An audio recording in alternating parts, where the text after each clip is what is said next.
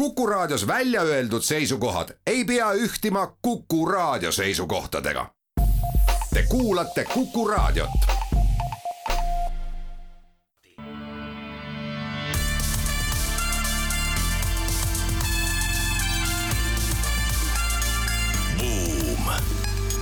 buumile annab hoogu SEB Pank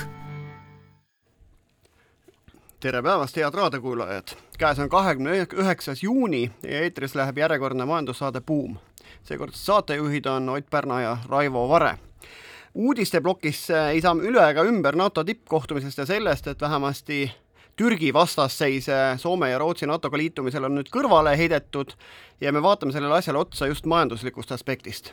nii nagu me korraks puudutame ka õrnalt veel teemat, mida tõenäoliselt tuleb veel eraldi käsitleda, nimelt G7 poolt äh, vastu võetud põhimõttelist otsust hakata määrama hinnapiiri äh, Vene gaasile ja Vene naftale, aga võib-olla isegi laiemalt maailmas edasi räägime majandusajakirja The Economist tütarühingu, mille nimi on Economic Intelligence Unit, värskelt välja tulnud linnade elukeskkonna indeksiga ja selles on nii mõndagi põnevat. Samuti äh, räägime sellest, et on väga palju põhimõttelist äh, noh, ütleme siis suurt infomüra ja ka tõsist poliitilist võitlust tekitanud USA-s vastu võetud otsus abortide suhtes äh, äh, Roe versus Wade, mis on ülemkohtu poolt siis tagasi pööratud pärast mitmekümneaastast perioodi ja sellega seoses on kodaniku vastupanu laienenud ka suurfirmadele Ameerika Ühendriikides. ja uudisteplokid lõpetame moebrändidega nagu Prada ja Louis Vuitton kes on asunud kasutama plokiahela tehnoloogiat ja seda selleks, et võidelda võltsingutega. ning seekordseks saatekülaliseks on meil Annika Udelepp, kes on Confido perearstikeskuse terviseteenuste juht ja juhatuse liige ja Annika on siis varem töötanud OSCD vanemnõunikuna, nõustanud Lääne-Balkani riike valitsemise teemadel, olnud ka poliitikauuringute keskuse Praxis juht ja kunagi ka Keskkonnaministeeriumi kantsler. Annikaga räägime täna erameditsiinist, ennetavast tervishoiust ja seotud uutest ärimudelitest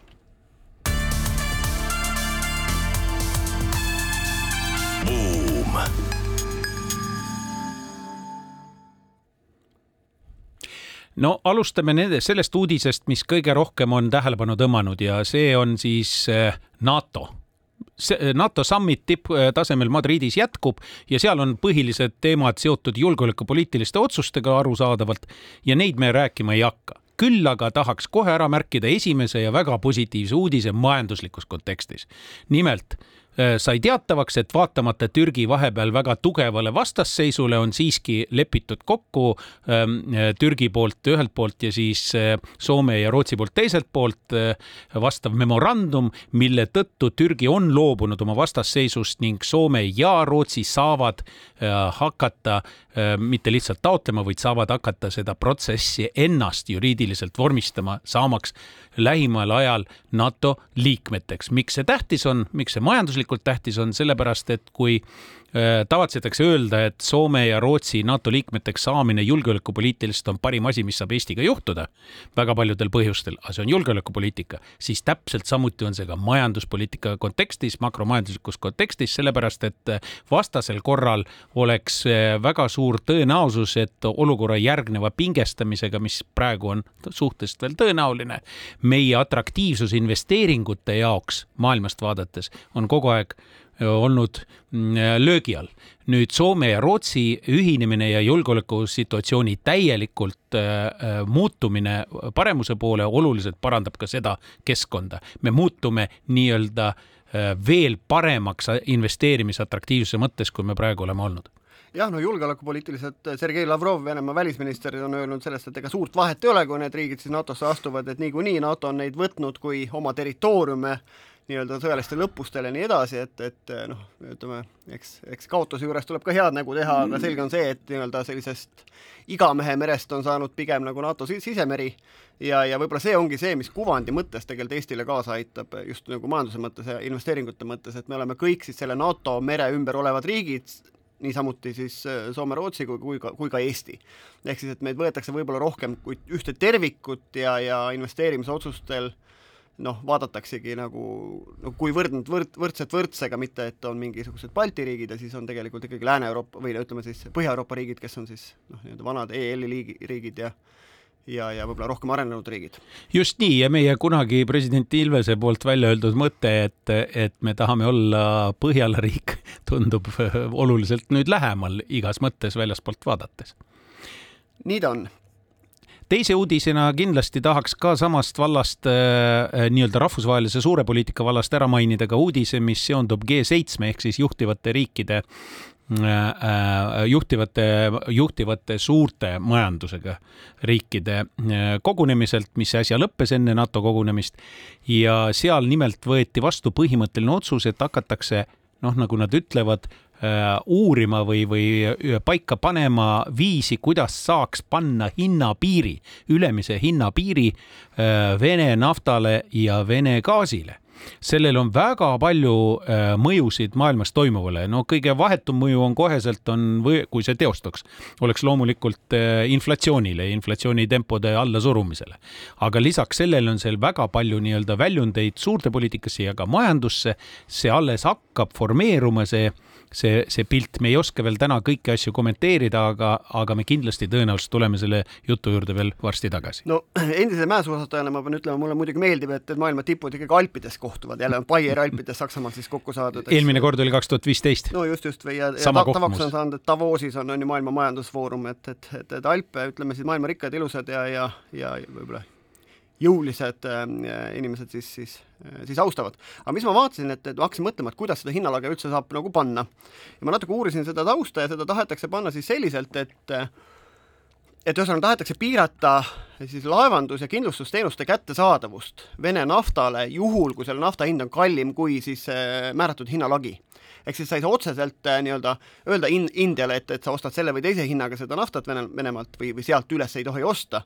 küll on see, et need laevad äh, ei vea ja kindlustusseltsid ei kindlusta seda tüüpi lasti ja selle läbi püüa, püütakse siis püütakse seda, seda hinnalaga kehtestada. no lihtsalt äh, õienduse korras märgiks, et see kindlustusmaailm on ülioluline laevandus ja seda on umbes üheksakümmend viis kuni üheksakümmend kaheksa protsenti kindlustusest, mis praegu laevanduses toimib, eelkõige tankerite osas, see tegelikult toimib läbi mõningate Euroopa Liidu riikide firmade, kuid suures osas läbi äh, äh, Londonis baseeruva sisuliselt kindlustuskooperatiivi, mida, mille kõige tuntum kaubamärk on Lloyds ja noh, kui sellest G, G7 kohtumisest veel rääkida, siis võib-olla väga ei ole räägitud sellest, et G7 on nagu teise agendana oli neil laua peal siis teema, et kuidas seista vastu siis Hiina investeeringutele mööda maailma. ja selle kiiluvees on siis äh, loomisel selline asi nagu ülemaailmne infrastruktuuri ja investeeringute partnerlus, kuhu siis G7 riigid lubavad panna kuussada miljardit, Euroopa Liit äh, kolmsada miljardit otsa ja selleks, et siis äh, nii-öelda äh, kuidas nad ütlevad, et näidata maailmale, et demokraatiad on koos töötades üksainus parim ja tulemuslikum viis, ütleme siis ka nende arenguprobleemide lahendamisel. jah, seal on ainult väikene ääremärkus, et see nii roosiline ei ole, sellepärast et esiteks on väga suur osa sellest rahast ikkagi äh, mõeldud, et see on erasektori raha, aga see tuleb ju sinna kuidagi veel saada ja teiseks, olgem ausad, äh, kakssada miljoni, miljardit, mida lubab äh, Biden ehk Ameerika Ühendriigid, ei ole täna veel kongressilt mingit heakskiitu saanud teeme siinkohal pausi ja siis lähme uute teemadega edasi.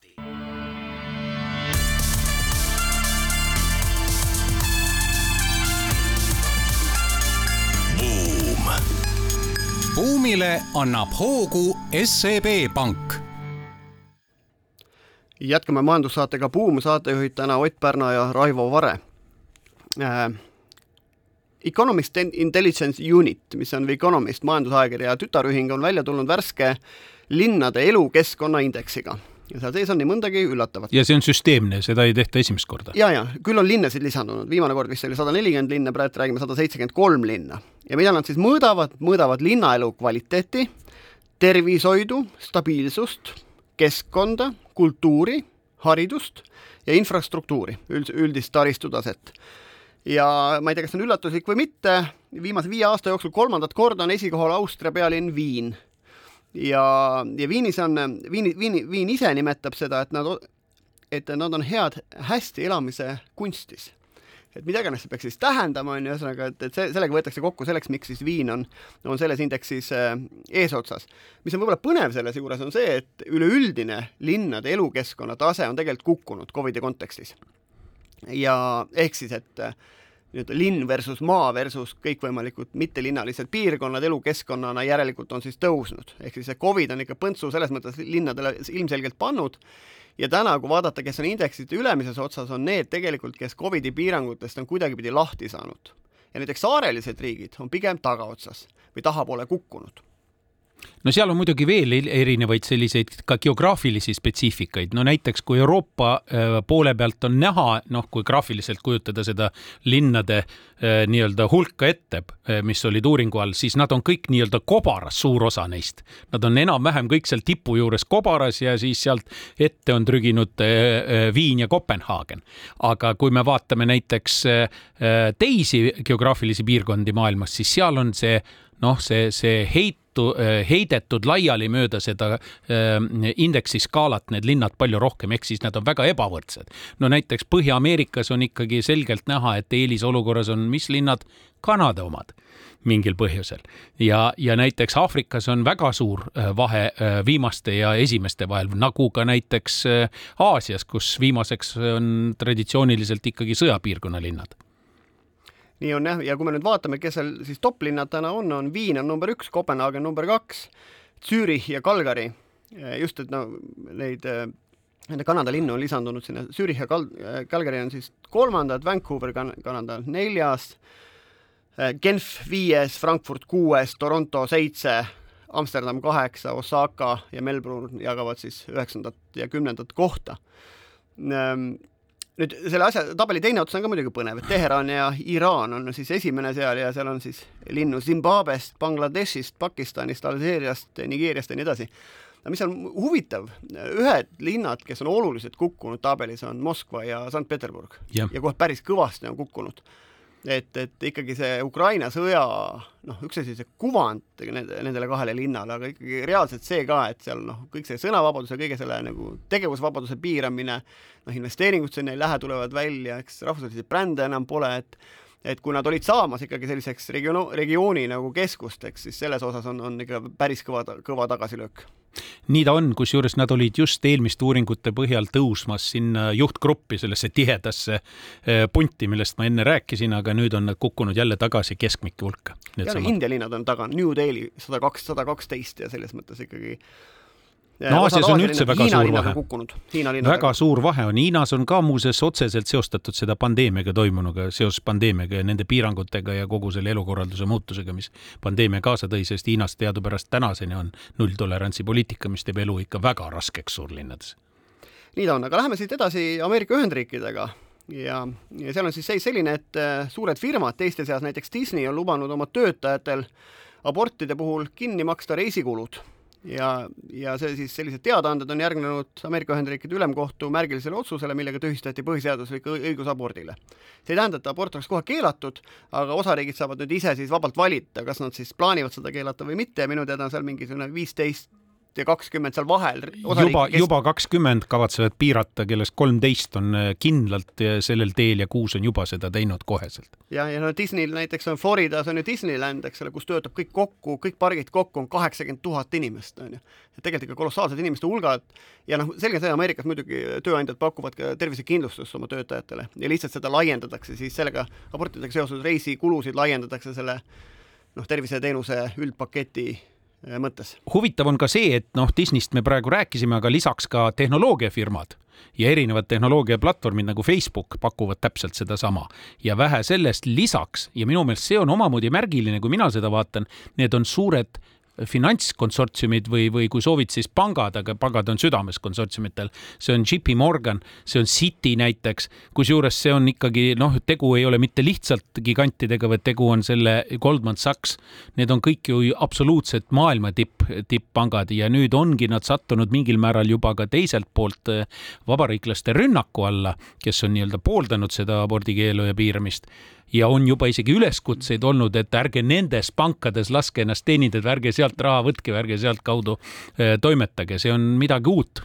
No nii on ja, ja see teema tegelikult läheb Ameerikas mööda siis vabariiklaste demokraatlik demokraatide piire ja üldiselt suurlinnad versus nagu sisemaa on laias laastus, kui seda kokku võtta, noh, Texas ja teised sellised riigid on no nagu pigem ütleme niimoodi, et sisemaa ja lõunapoolne osa äh, keskläänes ja siis äh, need, mis on nii-öelda kõrbe või, või, või siis äh, mägi osariigid ida pool, lääne pool, vabandust. noh, nagu Wyoming või Utah ja, ja nii edasi, nii et, nii et lõuna ja, ja, ja keskpõhi on tegelikult see ja, ja, ja siin viimane uuring, ma vaatan, näitab seda et, et kuuskümmend üks protsenti Ameerika Ühendriikide täiskasvanutest ütleb, et abort peaks olema kogu aeg või suurem osa ajast seaduslik ja siis kolmkümmend seitse protsenti väidab, et see peaks olema pigem nagu ebaseaduslik ja, ja või vähemalt suurem osa aja, võib-olla mingid erandjuhud kõrvale jättes.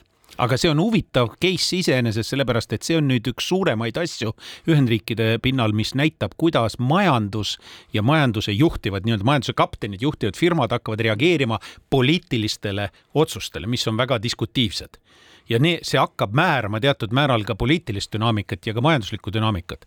ja, ja see on mingil määral ka näide sellest, mis võib juhtuda ka mujal, vaatamata sellele Ameerika spetsiifikale. aga jällegi selle võib-olla noh, ütleme, kuidas ma ütlen, sellest arenenuma maailma kasuks räägib see asi, et, et ikkagi see inimeste vaba liikumine on niivõrd suur et sa ei saa ikkagi ühes kohas mingeid asju väga ära keelata, kui ta ei ole just Põhja-Korea tüüpi riik, on ju. Et siis lihtsalt inimesed voolavad teise kohta. sa pead lugu. siis piirid kinni panema, siis sa pead sulgema ühiskonna ja see on jällegi asi, mis on põhimõtteliselt vastuolus. noh, Ameerika Ühendriikides osariikide piiri ilmselt ei sule, suleta mitte tõenäoliselt küll, jah järgmine uudis, mis tegelikult tahaks ka äh, rääkimist, on see, et äh, tuleb väga kiiresti äh, blockchain kasutusse ja, ja, ja huvitav, et ta tuleb valdkonnas, mida võib-olla ei oskaks esimese hooga isegi arvata.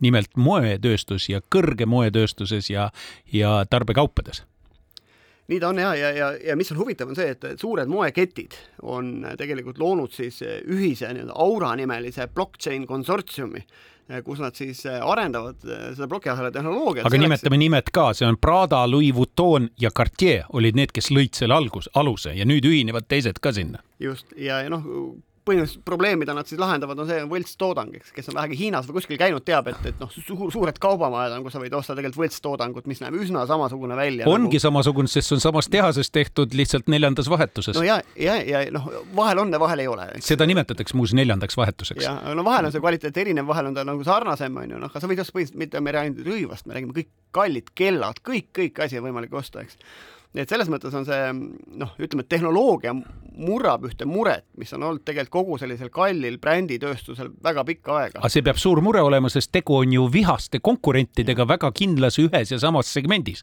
nimetatud kolm asutajat on ju tegelikult sisuliselt ühes ja samas segmendis ja ka ühinevad firmad on ühel või teisel viisil mingis osas vähemalt äh, konkurendid nii nendega kui omavahel ja ometi nad seda teevad. ja mis on huvitav, on see, et järelikult siis kaubamärgi kaitsmine, millel on ka, milleks on kaitsmine olemas ju maailmas, WIPO ja teised organisatsioonid, kes kaitsevad kaubamärke, eks, ikkagi ei tööta nendes suurtes riikides, India, Hiina. ja, ja nüüd tehnoloogia võib-olla aitab siis seda nagu kaasaegsemal viisil äh, lahendada. no see tehnoloogia aluseks on see, et luuakse igale konkreetsele lukstootele luuakse digitaalne teisik mis on siis võltsimatu ja see annab võimaluse jälgida kogu teekonda ja anda nii-öelda tagasisidet eh, kogu kulgemist, aga ne, nagu sa ütlesid, suurte riikide puhul, kui palju see suudab siiski asju takistada, ei ole kindel. Hiinast me rääkisime, India on teine, aga praegu on ju seoses sanktsioonidega ka Venemaal kasutusele võetud, nad lausa ametlikult valitsuse otsusega lubasid, nõnda nimet-, nad nimetavad seda terminoloogiliselt halli importi. hall import ei ole mitte midagi muud kui varastatud kaubamärgi eh, loogika järgi imporditud kaubad ja see on lubatud ja isegi soositud Vene riigi poolt praegu vot kuidas seda nii-öelda see tehnoloogia sinna jõuab nii kaugele, et seda saaks tõkestada? ja selle konsortsiumiga liituvad ka näiteks teemantide ja kalliskivide ettevõtted. et, et ja noh, ja Mercedes-Benz on üks, kes on tegelikult ka äh, seda teemat nagu uurimas, küll mitte noh, Mersut kui autot ei võltsita, on ju, aga küll on siis äh, näiteks digisüsteemides kasutatavad NFT-d ja kõik see, mida siis püütakse selle kaudu kontrollida. aga noh, siit läheb edasi igasugused äh, noh, kunst, kosmeetika, parfüümid, mööbel on ju, no me teame, et Soome või üldse Skandinaavia mööbliklassikat tegelikult tehakse järgi. osa sellest on tööstusomandiga täna veel kaitstud, osa ei ole, eks, aga tegelikult ju tehakse järgi. nii et selles mõttes ikkagi seda noh, ilmselgelt on plokkijahel viis autorlust äh, tootega rohkem siduda, kui see oli varem ja tegelikult võib-olla ka siis selle tootega toimunud ajalugu selle tootega siduda. et palju tal on omanikke, kas teda on hooldatud, kõik see muu aga olgem ausad, ütleme, kui selles ülemises kõige kõrgemas kaubagruppide segmendis, kus on tegu ka väga kallite kaupadega, on seal nagu oma loogika selgelt olemas, see turg on spetsiifilisem ja on võib-olla jälgitavam ka paremini, siis ma ei kujuta ette, et see täpselt samal moel saaks toimida näiteks masskaubaturgudel, kus tõenäoliselt see lihtsalt ei hakkaks tööle. Ja, ja no mis on veel huvitav, on see, et, et siin mängitakse ikkagi selle peale, et klient on uudishimulik klient tahab teada, mis on selle kauba lugu. et kui klient ei taha teada, kui see klient jätkuvalt tahab seda noh, Rolexi kella nagu ütleme, sellise saja euroga osta, mitte nagu võib-olla, võib-olla siin kümnete tuhandetega, et, et siis siis nii jääb, eks. ma räägin lihtsalt ühe loo sellest sellisest kaubamajast Hiinast, kus mulle pakuti kella müüa Seamasterit äh, Omega omat ja kui ma ütlesin müüjale, et mis sa käid mulle pinda, mul on originaal, näitasin talle, siis ta ütles, vaatas mulle siiralt otsa, naeratas rõõmsalt ja ütles, noh, aga osta teine veel no nii on, aga läheme siit äh, pausile ja tuleme natukese aja pärast juba Annika Uudelepaga tagasi.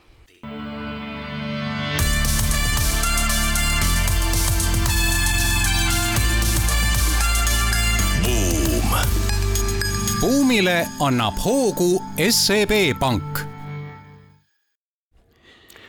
jätkame majandussaatega Buum. Äh, meil on, oleme jõudnud saatekülalise ossa, meie tänaseks saatekülaliseks on Annika Uudelepp, kes on täna siis Confido perearstikeskuse tervishoiuteenuste juht ja juhatuse liige. tere, Annika! tere, tere! ja tänase siis selle saateosa teemaks on äh, erameditsiin, ennetav tervishoid ja siis kõikvõimalikud uued ärimudelid seal, kas neid üldse seal on ja kas seal midagi on, on pihta hakata. ja tehnoloogia kasutamise võimalused ei väsi ma kordamast. aga et kuskilt pihta hakata, Annika, milliseid teenuseid Confido täna üldse pakub, et mis osas te olete turul ja, ja milliseid teenuseid erameditsiini mõttes siis äh, klient oma rahaga, ma saan aru, siis erakliinikutest ostab? Confido spekter on väga lai tänasel päeval. Confido on viimastel aastatel äh, tohutult kiiresti kasvanud, ütleks nii, et see kasvutempo on olnud isegi sellises startup ilikus tempos. aga loomulikult ei ole meie startup arengufaasis enam ettevõte, vaid me oleme scale-up, äh, kui majanduskeeles rääkida meil on äh, väga suur hulk ambulatoorset eriarstiabi, praktiliselt äh, kõik suuremad erialad on meil kaetud. tänasel päeval ma julgen öelda, on meil üks Eesti üks suurimaid neuroloogiakeskusi juba Confidos ja meie juures käivad äh, väga erinevate terviseküsimuste ja muredega patsiendid, meil käivad äh, erakliendid, äh, meil käivad eraterviselahenduse kliendid ja meil käivad ka Haigekassa patsiendid, et meil on täna Tallinnas üheteistkümnel erialal on ka Haigekassaga koostööleping, nii et see pakub meile võimalust teha mitmekesisemat kliinilist tööd meie, meie teenuseosutajatel, arstidel, õdedel, spetsialistidel ja ja võimaldab äh, meil kasvada kindlasti veel palju edasi ja ka õppida iga päev oma klientidelt väga palju. aga ma korrigeeriks, et meie ei olegi perearstikeskus, me oleme tervise meditsiinikeskus, eks ole aga Eestis on ju teadupärast äh, solidaarne äh, tervisekindlustus ja, ja meditsiinisüsteem, mis on üles ehitatud nagu lähtuvalt sellest loogikast. kus on see erakoht selles, selles konstruktsioonis? see on väga tabav küsimus ma arvan, et äh, erakoht on täna äh, seal, et Eesti inimeste tervisevajadused on suuremad, kui see solidaarne kindlustus neile võimaldab ära katta.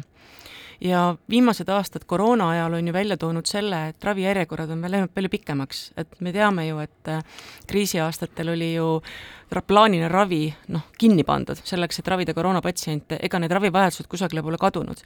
see on kindlasti, ma arvan, toonud erakliinikutesse rohkem patsiente, et suurendada äh, juurdepääsu, ähm, üks teema, teine teema on kindlasti ka see, et ähm, et patsiendid äh, ei ole alati nõus nii kaua ootama, kui nad peavad ootama riiklikus solidaarses süsteemis.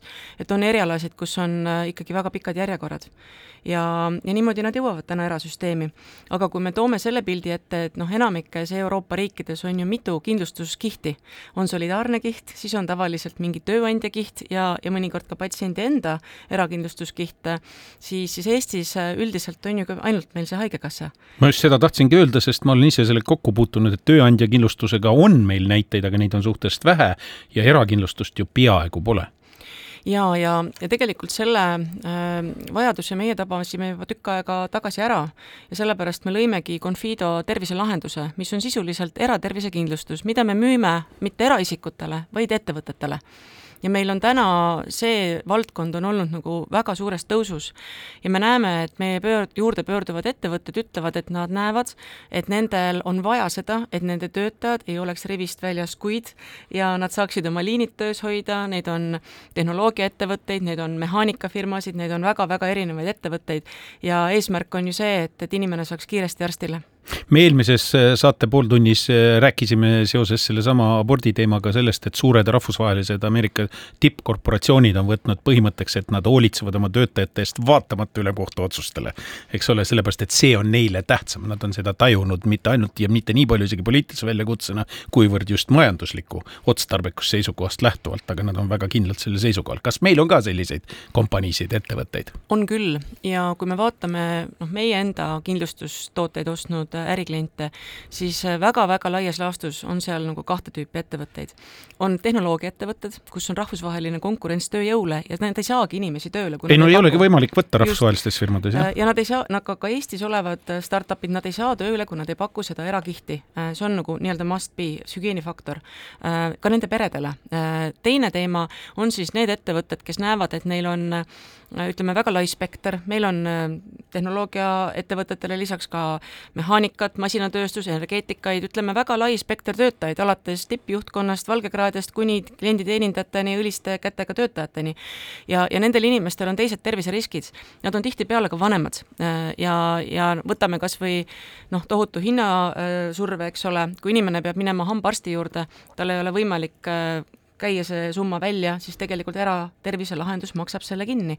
ehk inimeste reaalne ligipääs terviseteenusele kiiresti, nii et tööandja ei kaota töötajat pikaks ajaks, on siis see teine alter-, nagu argument ja me täna näeme, et, et hetkel on see turg suurusjärk nelikümmend viis tuhat kindlustatut Eestis ja Confidol on sellest siis teatud osa sellest turust, aga me näeme, et see kasvab väga kiiresti. just sellepärast, et see äh, ütleme, äh, juurdepääsu teema Eestis on võrreldes Euroopa keskmisega väga suur ja meie nii-öelda rahuldamata tervishoiuvajadus on Euroopa üks suurimaid ja siin on see erakindlustusturu nišš. sisuliselt te sellega ju leevendate ka seda solidaarse süsteemi nii-öelda miinust, mis täna reaalselt on eksisteerinud absoluutselt, loomulikult. Ja meie tegelikult ei näe ennast kuidagimoodi noh, konkureerimas või, või, või, või võrdlemas või vaidlemas nagu solidaarse kindlustusega ega ka riikliku meditsiinisüsteemiga, me täiendame seda.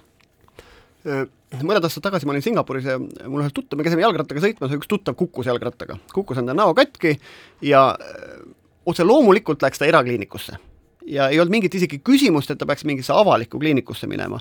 et kas me Eestis oleme ka sinna jõudnud, et, et Haigekassa finantseeritud, ma ei tea, riiklikud haiglad on tegelikult nagu vaestele või siis hästi kallite operatsioonide jaoks ja siis erakliinik on ikkagi sellise jõuka inimese asi Õnneks ei ole Eestis nii, et mul on eestlasena väga hea meel selle üle ja ma olen ka ikkagi päris mitu aastat elanud Prantsusmaal, kus on, kus on ka väga tugev solidaarne süsteem, aga seal on ka erakindlustussüsteem, mis on suur vahe Eestis ja Prantsusmaal, on see, et seal osutavad tervishoiuteenuseid sarnastel konkurentsialustel nii erakliinikud kui riiklikud haiglad. ja nende vahel on väga hea sünergiline koostöö. üks spetsialiseerub ajukirurgiale, teine spetsialiseerub, ma ei tea, maokirurgiale, kolmas erinevale ja, ja haiglad omavahel suunavad sinna, kuhu patsiendil patsiendil on kõige mõistlikum minna, mitte nii, et, et noh, Eesti süsteem, rahastamise mudel on üles ehitatud nii, et kui patsient on juba ühte ütleme, riiklikku haiglasse tulnud, siis nagu hoitakse teda seal nii kaua kinni kui vähegi võimalik, seda me oleme ilmselt paljud kogenud oma nahal. ja, ja sellist sujuvat koostööd ei ole, ma arvan, et siin on peidus ajaloos, aga kindlasti meil ei ole ka motiveeritud koostööd tegema. et ma arvan, et, et meil on Eestis aeg küps selleks, et arutada, millist rahastamise tulevikku me tervishoiusektoril soovime ja kui me paneme siia lihtsalt faktid kõrvale, et ütleme, OECD riikide keskmine äh, tervishoiu rahastamine, me võrdleme siis nii-öelda rikaste riikide klubi, eks ole, kes soovivad no me oleme ise selle liige, me peame võrdlema. just, et me tahame ka pakkuda oma elanikele sellist kvaliteeti, eks ole, äh, on suurusjärk niimoodi üheksa, kümme protsenti SKP-st tervishoiukulud. Eestis on olnud see umbes kuus pool protsenti, äh, viimasel paaril aastal tsipa kõrgem, umbes seitsme poole peal, tule-, tulenevalt koroona aja täiendavast rahastusest tervisele, mis noh, ei ole tegelikult ju nagu pidev, vaid on noh, ikkagi kriisimeede olnud. ehk me oleme sealt maas. ja nüüd on küsimus, et, et kuidas me seda raha juurde toome, et noh, ma olen oma elus tegelenud kakskümmend aastat poliitika analüüsiga ühel või teisel moel ja noh, ma ei näe nagu väga suurt võimalust võtta kusagilt kaks protsenti SKP-st ja tõsta see tervisesse, me teame, meil on sõjakriis, meil on ütleme, toimetulekumured ühiskonna ees, eks ole, et, et nüüd on küsimus, kust seda raha üldse võtta, makse ei taheta väga tõsta, me näeme, konkurentsivõime on juba, juba käriseb, eks ole, et tegelikult seesamane avage uksed erakindlustusturule, mis on juba täna kasvamas, võtke maha piirangud, soodustage seda, tööandjad teevad seda juba täna vabatahtlikult, võib-olla me ei ole veel seal, et kohustuslikuks seda teha, mina arvan, et me võiks selle teha, et anda inimestele parem ligipääs tervishoiuteenustele. no olgem nüüd ikkagi ausad, tööandja poolt vaadates peaks ikka konstateerima et, et üheksakümmend kaheksa protsenti meie ettevõtjatest on ju tegelikult, ettevõtetest on ju tegelikult äh, väike- ja mikroettevõtted ja nende võimekus tervisekindlustusega tegeleda on oluliselt teistsugune kui vähe suurematel, keskmistel ja suurematel seda küll, aga võtame täna selle skeemi, mis riik on andnud, on andnud sada eurot kvartalis äh, erisoodustus maksuvaba äh, nii-öelda tervisekulu see sündis ju sellest äh, nii-öelda sporditoetusest omal ajal, mis on tegelikult väga õige. tänasel päeval on ju, ja siis, kui see sündis, ei olnud seda eri, eratervishoiu pakkumist sellisel määral nagu täna ja ka võib-olla nõudlust. et meil ka areneme ja, ja tänasel päeval on hakanud ettevõtted seda nelisada eurot aastas kasutama mitte sporditoetuseks, vaid tervisekindlustuse ostmiseks töötajatele. selleks, et nad saaksid hambaravi maksta kinni, neil oleks mingisugune väike puhver ravimites, eks ole, nad saaksid rutem eriarstile, nad saaksid rutem ka operatsioonile, kui neil on näiteks noh, vaja orto-, ortopeedilist äh, ravi saada kiiresti, kus muidu on tegelikult väga pikad järjekorrad. ja, ja, ja see on nüüd nagu see võimalus, millega on võimalik lahendada ehm, sellel teemal me läheme teises saate pooles edasi, mul on päris mitu küsimust siin, aga, aga praeguse koha pealt, et kui kallis siis see pilet on, et kui mul on startup, ma ei tea, viiskümmend töötajat, et ja, ja pered ka, ütleme, noh, sada inimest vaja ära kindlustada, et, et kui palju see maksab? Äh, on erinevad paketid ja meie tänane nagu äh, valik on suur, on sada eurot äh, inimene äh, kuni, kuni nelisada, viissada eurot aastas inimene. ehk tegelikult see on kindlustusmudel, see on odav mudel. et, et me ise teeme nalja, et, et neljasaja euro eest aastas, mis sa maksad töötaja kohta, saad sa kaheksa tuhande kaheksasaja euro eest terviseteenust osta ma olen aastaid tarbinud äh, erakindlustuskliendina nüüd välismaal elades äh, terviseteenuseid äh, ja, ja ütlen, et väga keeruline, kui ei ole just tegu väga suure trauma või väga tõsise kroonilise haigusega, seda juba kaheksa tuhat eurot ära kulutada. et nagu, nagu nii-öelda ka käies operatsioonil näiteks kord aastas, siis, siis reeglina inimene vajab tegelikult kiiret äh, perearstiabi, ta vajab kiiret eraarsti, eri, eriarstiabi, äh, kiiret diagnostikat, äh, et saada oma tervisemurele ilma süvenemata, eskaleerumata ruttu lahendus.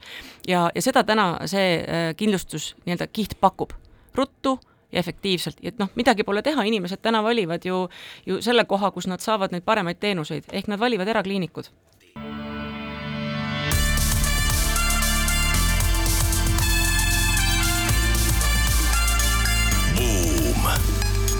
buumile annab hoogu SEB Pank. jätkame majandussaatega Buum, saatejuhid Ott Pärna ja Raivo Vare ja saatekülaliseks on meil Annika Uudelepp, kes on Confido meditsiiniteenuste juht. Annika, eelmises plokis me rääkisime seda, et, et riik on teinud siis, ma saan aru, aastas nelisada eurot erisoodustusmaksu vabaks ettevõtetele per inimene, et siis äh, inimesed kasutaksid seda raha spordi tegemiseks või ettevõte kompenseeriks siis inimeste spordi tegemist, liikumisharrastust. ja sa ütled, et seda raha nüüd kasutatakse pigem sellise tervishoiu kättesaadavuse parandamiseks, eh, mingit eri tüüpi erakindlustuse nagu tagamiseks inimestele. et minu esimene küsimus, kas me siin mitte rehepappi ei tee? ja minu teine küsimus on see, et, et me nüüd terve esimese saateploki rääkisime sellest, et eh, meditsiinis, ehk siis kui inimene on haige, midagi on juhtunud. nüüd, et me teame siin suuri numbreid, niimoodi öeldakse et, et kümme protsenti inimese tervisest sõltub Äh, ravist ja ravimisest, eks access to medicine inglise keeles. tervelt viiskümmend protsenti on elustiil, käitumine, toitumine, kõik see.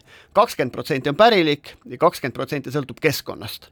Ehk siis viisil või teisel on üheksakümmend protsenti sellest, kas me elame sajaaastaseks või kas me oleme terved, meie oma käes ja väljapool Haigekassat ja väljapool terviseasutusi ja kümme protsenti on ainult siis nagu hospitalid, on ju, apteegid, nii edasi.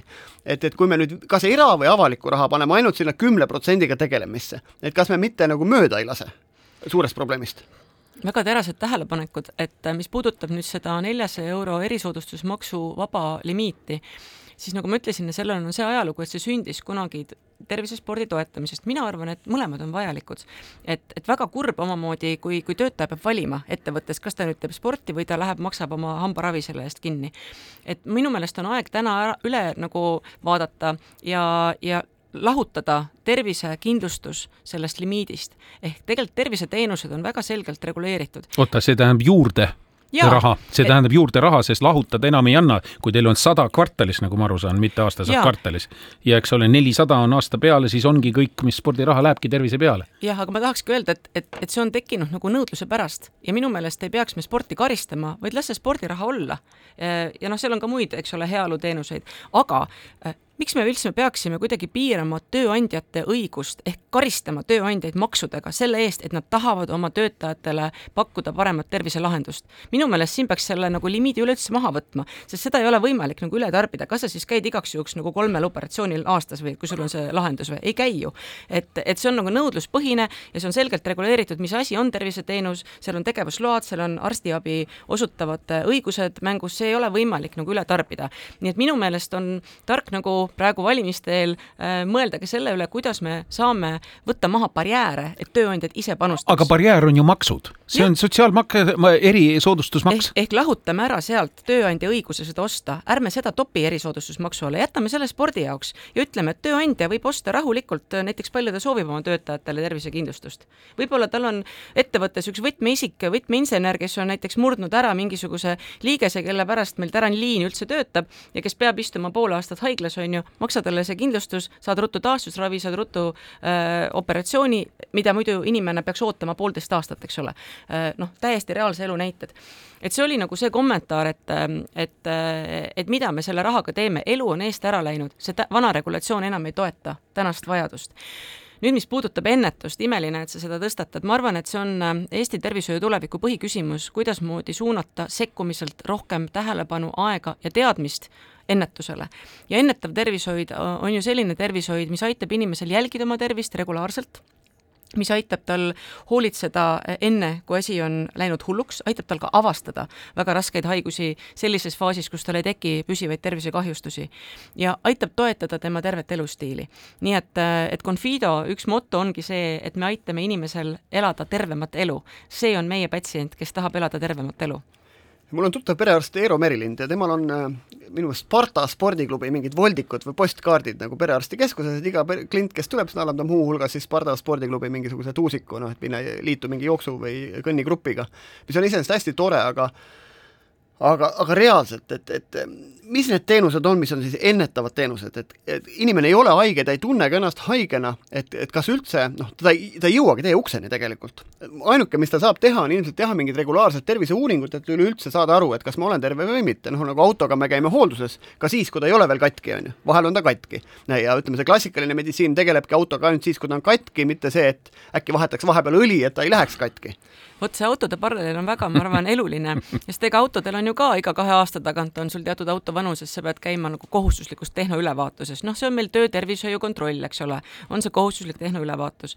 aga vahepeal sa saad, käid rehve vahetamas, eks ole, kaks korda aastas, siis sa käid õli äh, vahetamas ja tegelema veel mingite muude asjadega, mida autol vaja on. Ja kui avarii juhtub, noh, siis on nagu, nagu pikem äraolek, eks ole. et, et tegelikult ega inimene on, on samamoodi, see ennetav ongi seesamane, et sa võtad regulaarselt kontrollid, ma, ma tean tohutult palju inimesi, kes ütlevad, et ma ei ole nagu noh, mul ei ole olnud põhjust arsti juurde minna, mul ei ole nagu mitte keegi teinud vereanalüüsi viimane kümme aastat, eks ole. et noh, see keskealised inimesed teevad tööd, otseselt midagi katki ei ole ja, ja juhtubki niimoodi, et, et mingid tõsised tervisemured tulevad liiga hilja välja. ja korraga jah, tavaliselt need eskaleeruvad korraga, et kehal on mingi isetervenduse võime, ka mingi taluvusvõime ja loomulikult ka tuleb arvestada, et on mingeid teenuseid, mida meil täna ju ütleme, ravikindlustus, riiklik ravikindlustus tegelikult praktiliselt ei kompenseeri, näiteks vaimse tervise teemad. ja need on ikkagi väga suured mured olnud viimastel aastatel ja, ja noh, väga pikad nõudlused on, on vaimse tervise spetsialistide järele. nii et, et mina ütleks, et see enese eest hoolitsemine tähendabki, et, et sul on esiteks juurdepääs, seda ei ole tehtud liiga raskeks. täna on väravavaht ju on perearst, on imelisi perearste väga-väga palju, nad teevad suurepärast tööd, nad on lihtsalt väga üle ülekoormatud. ja, ja noh, kui, kui ta ei saa nüüd sinna perearsti juurde, ta juba teab, et ma ei taha teda tüüdata, ma lähen ainult siis, kui mul päris mure on, siis jäävad tegemata need kontrollid, mida tegelikult soovitatakse teha näiteks kord aastas, võtame näiteks vähi, noh, ma arvan, et selline tänaste keskealiste seltskond on selline, et et noh, väga suur osa meist saab elu jooksul vähidiagnoosi. küsimus on, millal me selle saame. kui me saame võimalikult vara, me saame selle terveks ravitud, me saame ennetatud, me saame varase avastamisega korda. on, on, on terve hulk vähke, mida on võimalik väga hästi ennetada läbi teadliku skriiningu. ka riik pakub omalt poolt skriiningu programme, aga me teame, et paljud patsiendid ei lähe sinna kohale. kui tal on teadmist, miks ta peab seda tegema, tal on personaalne kutse ja, ja tema, tema, tal on kontakt selle arstiga või arstikeskusega, kus ta käib, siis ta tegelikult hoolitseb enda eest väga hästi. meie näeme tuhandeid patsiente iga aasta oma majas selliste soovidega no WHO või Maailma Terviseorganisatsioon defineerib tervist selliselt, et see on siis vaimse, füüsilise, sotsiaalse heaolu seisund ehk siis kui nagu nii-öelda katus sõidab või peas ei ole midagi korras, et äkki on probleem selles, et me, meil on null liikumine. ja, ja siis võib-olla tablett ei ole see, mis aitab, võib-olla on see, et, et äkki tund aega liiguks päevas. Ja kuhu ma rihin oma sellega, et meil on kaheksakümmend protsenti, täna vist kaheksakümmend üks protsenti koolilastest, Eesti noortest, kes tegelikult ei liigu piisavalt, tund päevas. Need on tegelikult kõik haiged keskealised, kes ise seda täna ei tea, me teame. ja nüüd minu küsimus sinu poliitiliste lubaduste teemale, et, et valimised jälle aeg-ajalt meil tulevad, on ju, et et äkki peaks siin ka mingi lubaduse andma, et kas või näiteks haridussüsteem suudab koolilapsed, kes on pool oma ärkvelolu ajast tegelikult riigi või KOV-i käes, kuidagi liikuma saada. Et kooli ei veeta autoga, koju ei veeta autoga, käiakse jala. ehk siis see, see see kakskümmend protsenti lapsi on need, kes liiguvad tund päevas, kaheksakümmend protsenti ei liigu. no kui raske see tund on leida? et noh, see on seesama, see ennetuse teema, et, et me saame võib-olla väga paljud asjad, kehakaalu, vaimse tervise, üleüldse ainevahetus hakkab hommikul käima. kaks esimest tundi saad tunnikontrollis võib-olla mõne hea hinde ka seetõttu, et vereringe käib, on ju. et sind pole autoga nii-öelda unisena nagu magavat inimest kooli toodud, eks. väga toetan ja tervislik liikumine on, on tohutult oluline igas vanuses. Äh, ka, ka inimesed, kes teevad väga pingelist vaimset tööd, eks ole, kes me siin täna oleme laua taga. et äh, kui sa õhtul ei, ei võta seda aega värskes õhus tund aega jalutada, mina olen enda puhul märganud, siis mul on halb uni ja mul on järgmine tööpäev raskem. aga kui ma võtan selle tund aega õhtul käia jalutamas ja see on meil ju Eestis suurepärane kättesaadavus. me ei ela kusagil sellises kivilinnas, mida on ka suurtel mitte megapoolises, kus me, ei ole kuhugi minna meil on imelised võimalused tegelikult, liikumisvõimalused, mine lihtsalt ja kõnni. ja teine asi on toitumine ehk ka teadlik toitumine ja ma arvan, et need trendid on positiivsed, siin on vaja tuge ja loomulikult täna me näeme, et suureneb kihistumine, inimesed, kellel on väiksemad sissetulekud, kellel on niikuinii kulud on, on väga pingelised, kui nad peavad valima, kas ma ostan nüüd nagu äh, puuvilja või, või köögivilja või, või maksan ära oma, oma retseptiravimite eest või elektriarve, siis noh, me teame, et inimesed valivad need viimased, eks ole, sest äh, noh, ütleme käriseb ja, ja kindlasti kõik äh, tegevused, mis soodustavad tervet elustiili, on, äh, on riigi rahakotile, inimese rahakotile pikas perspektiivis ainult head. sa tõid ennem paralleeli seal autodega, et, et siit jätkates, et neil autodel ka mingid hooldusraamatud, täna nad digitaalsed, on ju. et kas inimesel ei peaks midagi sellist olema ja mitte ainult see, et ma pean vereproovi andma mingisuguse intervalliga, vaid et, et normaalne käitumine selle sõidukiga või selle persooniga on selline, et sa pead tund päevas muuhulgas liikuma, nii et nahk on märg, ehk siis sellised nagu sellised elementaarse asja sa kirjutad sisse, sest paljud inimesed ütlevad, ma ei tea, kuidas treenida. treenitakse liiga intensiivselt, nii edasi. tegelikult mõeldakse see asi nagu liiga keeruliseks. tee tund ükskõik mida, et nahk on märg päevas ja ongi rahu majas. ühesõnaga, et, et saada selline lihtne manuaal inimesele, mille järgi käitudes noh, tõenäosus, et sa elad, ma ei tea, tervelt elatult kümme aastat rohkem, suureneb kaheksakümmend protsenti absoluutselt ja noh, meil tege-, tegelikult meie riigil on suurepärased eeldused selleks igasuguste digisüsteemidega, et aga kui sa lähed täna digilukku, eh, see on süsteem, mis on mõeldud arstilt arstile, see ei ole mõeldud patsiendile, sa pead olema suhteliselt, ütleme, eh, meditsiiniteadlik inimene, et aru saada, mis sinna kirjutatud on, on ju. ja, ja väga hea lugemisoskusega nagu noh, funktsionaalse lugemisoskusega. et, et kui me suudaksime nagu selle väikse hüppekese teha, et pakkuda nagu täna väga heal platvormil andmevahetusel olevat inimkeeli informatsiooni patsiendile tema terviseseisundist ja tema eesootavatest tervisesoovitustest ja seda saab ka teavitustena ju täna saata meilile. automaatsed teavitused. absoluutselt, absoluutselt. siis see oleks, ma arvan, selline hüpe, mida on võimalik ära teha väikese rahaga ja suure mõjuga. Äh, ma ei saa muidugi küsimata jätta, olles ise pensionieelik, erinevalt Otist, kes on keskealine spordifanaatik ja tipptervisesportlane, et äh, mida pensionäridega teha? pensionärid täna ju tegelikult ammendavad suurema osa peaaegu kaheksakümmend protsenti kogu meie solidaarse tervishoiusüsteemi ressursist ühel või teisel viisil paratamatult isegi ma ütleks. aga mida oleks erameditsiinil võimalik pensionäride jaoks teha, sest siin ka see töötervishoiu loogika ei toimi, mis muidu natukene aitab tõsi, ja see probleem süveneb, sest meie rahvastik vananeb ja selge on see, et, et eakas inimene vajab rohkem abi. Eesti tänane eakas on haigem kui tema äh, eakaaslane Lääne-Euroopas. meil on olnud raskemad elutingimused, see on fakt. ja ka meie terviseabi ei ole võib-olla olnud nii ennetav kui, kui mõnes teises riigis. ega siin muud ei ole öelda, et toome raha juurde selles seltskonnas, kes täna suudavad oma osalust läbi erakindlustuse turule tuua. oma taskust juurde maksta ei ole reaalne. Eestis patsiendil omaosalus on üks Euroopa kõrgemaid, see on juba kakskümmend viis protsenti. WHO tase, öeldakse, üle kümne protsendi ei ole tervislik, hakkab sööma ära inimeste võimet tervisele äh, ligi pääseda. nii et mina ütleks, et kui me suudame töö, tööealisi inimesi kindlustada rohkem äh, lisanduva äh, ütleme, tööandjakindlustuse kaudu, me võtame survet maha ja ka need eakamad inimesed saavad väärikamat abi õigel ajal no Buumi saatel on siin kolmkümmend tuhat kuulajat, pluss podcastil vist ka kümme tuhat, et, et kõik te, kes te arvate, et siis pere, see personaalmeditsiin, milleni noh, teadus on, on meid viinud, et, et seda kuidagi lahendab, seda küsimust, siis see teeb ju selle asja veel kallimaks inimese kohta. ja kui te arvate, et jupid saab välja vahetada inimesel nagu autol, siis saab küll, aga iseasi, kui see organism nad omaks võtab, aga mul on siin üks hinnakiri ees, et see on nüüd mõned aastad vanad, aga süda maksab üks koma neli miljonit dollarit, on ju. üks kops maksab kaheksasada kuuskümmend kaks tuhat dollarit Äh, silmavõrkkest kolmkümmend tuhat, päris odav, on ju. et, et, et põhimõtteliselt jupid on tegelikult kallid ja seda inimest ei saa kunagi taastada sellisesse situatsiooni, kui ta oli ennem haigeks jäämist. et jumala eest, kui te õhtul mõtlete, mida teha, minge tehke see tunnine tiir ära ja tehke iga õhtu. ja, ja tõenäosus, et te elate kümme aastat tervemalt edasi, on, on kõvasti suurem. ja screen ige ennast, et käige regulaarselt äh,, ei pea liiga tihti käima, aga kord paari aasta jooksul korralik tervisekontroll teha, kas siis perearsti juures või mujal, on, on teile endale hingerahu andev ja annab teile indikatsiooni mida on vaja teha, enne kui läheb juppide vahetuseks? tundub, et õige teema lõpetamiseks. jah, et Buumi saate aeg on tänaseks ümber, suur aitäh sulle, Annika äh, Confidost siis tulemast Buumi saatesse. me oleme eetris taas täpselt nädala pärast, siis on uued põnevad teemad ja inimesed. seniks aitäh teile kuulamast ja ilusat juunikuu lõppu!